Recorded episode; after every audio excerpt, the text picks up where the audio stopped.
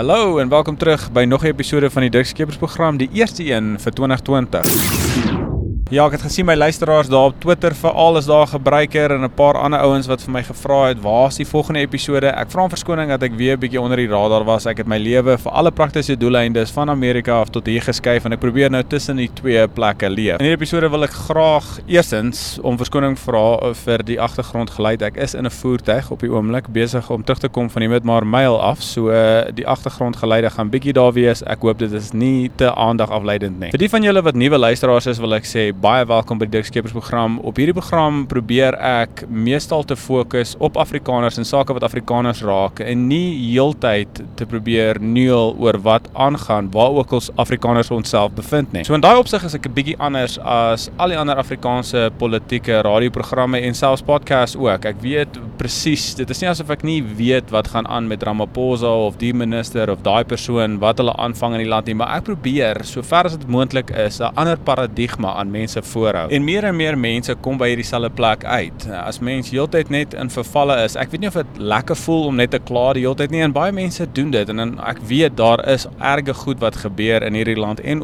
in in die buiteland waar Afrikaners self ook bevind. Maar ek het met 'n goeie vriend van my gepraat wat 'n sielkundige was wat gesê as jy heeltyd hierdie tipe van gif, soos hy dit genoem het, hierdie gif oor en oor uitpassein en gaan vertel hoe erg dit is, dan internaliseer jy dit op 'n mate en uiteindelik maak dit jou dan ook net 'n negatiewe aaklige persoon. Vir sommige mense is hierdie 'n paradigma skuif wat ek genoem het, maar vir ander mense is dit net 'n klein kop skuif want hulle self al klaar so hulle karretjie afgehaak van hierdie kom ons gebruik nou die woord die Suid-Afrikaanse eenheidstaat. En dan as jy by daai plek uitkom met jy 'n ongelooflike geleentheid om 'n boodskap van hoop en 'n lewe van hoop te lewe en bietjie te uit te sien na die toekoms in steede van heeltyd net vas te haak in wat gebeur het in die verlede. Ek het ook die geleentheid gehad om in Suid-Afrika nou nader aan my familie te wees wat een van my doelstellings was vir 2020, maar ook ek het die geleentheid gehad om 'n nuwe insgewende of 'n organisasie sonder winsoogmerk is die offisiële term by hulle aan te sluit. En Jesus, jy kan praat van opgewondenheid. Dit is absoluut wat daar vir my voorlê. Ek meen, ek is 'n besigheidsman, 'n sakeman en ons fokus op sake en daar is soveel goed wat sake mense reg kry elke dag met die wind van voor,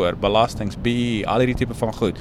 Ons gaan dit probeer net so bietjie makliker maak vir mense om besigheid te doen in hierdie land. En weer eens, daar val ek sommer self in hierdie lokval van hierdie land. Daar is vandag byvoorbeeld in 2020 ongelooflike interessante en op wat my opgewonde maak maniere om jouself te insuleer kom teen kom ons noem dit nou die politieke milieu waarin jy jouself bevind. En by een van hierdie geleenthede by hierdie organisasie waar ek nou is, het 'n ongelooflik interessante ding opgeduik. Ten minste dit was vir my interessant interessant. Ek het gaan luister na Flip Buys. Sy nuwe boek is Die pad na selfbestuur. En ek het al voorheen op hierdie program genoem van hoe 'n katvoet loop met enigiets wat te doen het met 'n unie. Ek het gaan case studies doen en gaan studeer oor hoe unies en voorbeelde daarvan waar hulle regtig maatskappye net tot op hulle knie gebring het en verwoes het. Maar dit is tot 'n mate bietjie onregverdig om hierdie solidariteit beweging, kom ons noem dit nou maar 'n uh, 'n unie in alle regte te noem. Daar is soveel ander vleuels daarvan dat dit nie in die tradisionele boksie pas nie. Maar in elk geval, Flip Buys het iets verskriklik interessant genoem. Hy het gaan 'n storie vertel gedurende waar Freek Robinson hom toe vra oor sy boek en die storie wat hy vertel het oor by die universiteit in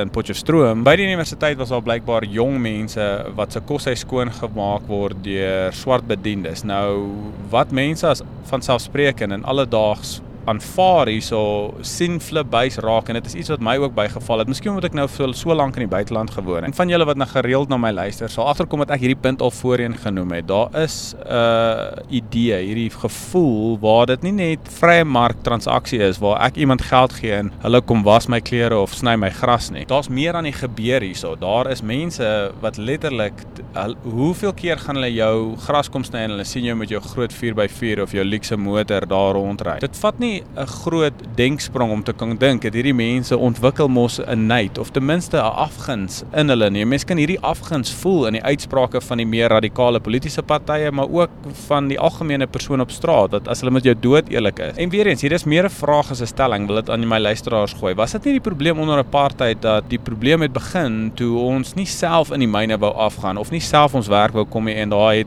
arbeid gekom van die destydse Duitslande in hulle miljoene. En uiteindelik wou daai arbeid stemreg hê want het hulle dit hier gewoon vir jare en net so deel geword van die ekonomie. En dis hoekom ek baie aanklank vind by 'n idee soos Oranje waar hulle eie arbeid gebruik want sommige mense, dit voel vir my, hulle sal liewer die kans of die risiko loop dat hulle in hulle beddens vermoor word voordat hulle hulle eie onderbroeke was. En ek verstaan, dis maklik. Dit is net, o, oh, ek wil nie my goed gaan was nie. Daar's daar's miljoene mense wat hulle goedkoop arbeid vir my kan gee en dan kan ek dit sommer net doen. En die besigheidsman binne my sê, "Hoekom? Wat? Hoekom is daar 'n probleem daarmee?" Ek meen, vind nou maar die goedkoopste arbeid, gaan laat jou goed bou in China, maar daar is weer eens net 'n bietjie van 'n ander element hierso. Hierso is die element van hulle weet daai mense wat in jou huis kom werk, hulle weet waar die sekuriteitstelsels is. Hulle weet waar die slot en grendels is. So hulle kan waar ook hulle gaan, hulle kan met die beste intensies rondloop, maar dan stop iemand hulle voor en sê luister, ons wil daar gaan inbreek. Waar is die sleutels en goed? En vir hoe lank gaan hulle vir die mense sê nee man, ek gaan nie vir jou vertel waar al hierdie goed is nie. Ek het met die mense se huis se kinders grootgemaak. Hulle is soos my familie en dan gaan hulle uiteindelik by 'n plek uitkom waar hulle sê luister of dit of jou familie. So vir hoe lank gaan hulle